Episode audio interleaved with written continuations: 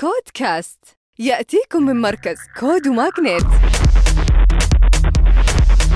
مع طارق الجاسر. وحياكم الله. أحب أهني منصة ساري السعودية على توسعهم واستثمارهم الأخير. ساري هذه منصة تجمع بين أصحاب محلات الجملة مع أصحاب المحلات وتكون منصة رقمية توفر خدمات ال B2B. حاليا استحوذت ساري على حصة كبيرة من جولة ال series A لمنصة اسمها جقنو وبقيمة 22.5 مليون دولار. طبعا هذه تعتبر ثاني استثمارات ساري للتوسع في المنطقة لتحقيق أهدافها كمنصة للتسوق الرائدة في قطاع الأعمال وفي الأسواق الناشئة. منصة جوجنو هذه منصة في باكستان. منصة كاراسيتي الإماراتية متخصصين في تأجير السيارات. جمعوا تمويل بريدج بقيمة 2 مليون دولار ويسمحون للعملاء بالاشتراك في نظام تأجير السيارات الجديدة والمستعملة لمدة تتراوح ما بين شهر وبين 24 شهر مقابل رسوم اشتراك شاملة الخدمات وأيضا توفر تكاليف الصيانة والخدمة والمساعدة على الطريق.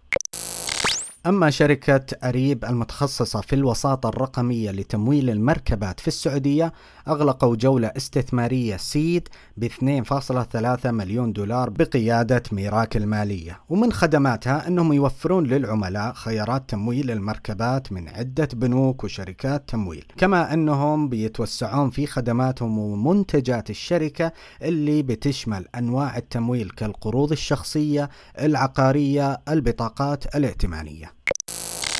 تطبيق لكي المصري استثمر 25 مليون دولار في جولة التمويلية في مرحلة series A بقيادة بايو وصندوق انكلود التابع لشركة جلوبال فينتشرز وأيضا كانت بمشاركة بايو تقدم خدماتها في كل من الدفع الإلكتروني وتقسيط و cashback وتسعى في نموها وتعزيز ريادتها في السوق.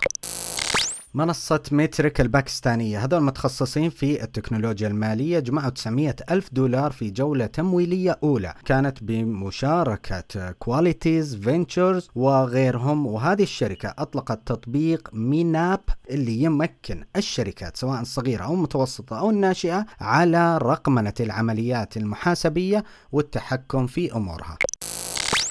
وأخيرا إنكور باي الاماراتيه كسبوا مليون ونصف دولار في جولتهم الاستثمارية ال seed بدعم جرين هاوس كابيتال تقدم هذه الشركة خدمات ال pay direct للبنوك والشركات المالية والاتصالات وخدمات الدفع المختلفة إضافة أنهم يقدمون خدمات تكنولوجية للخدمات المالية وإدارتها.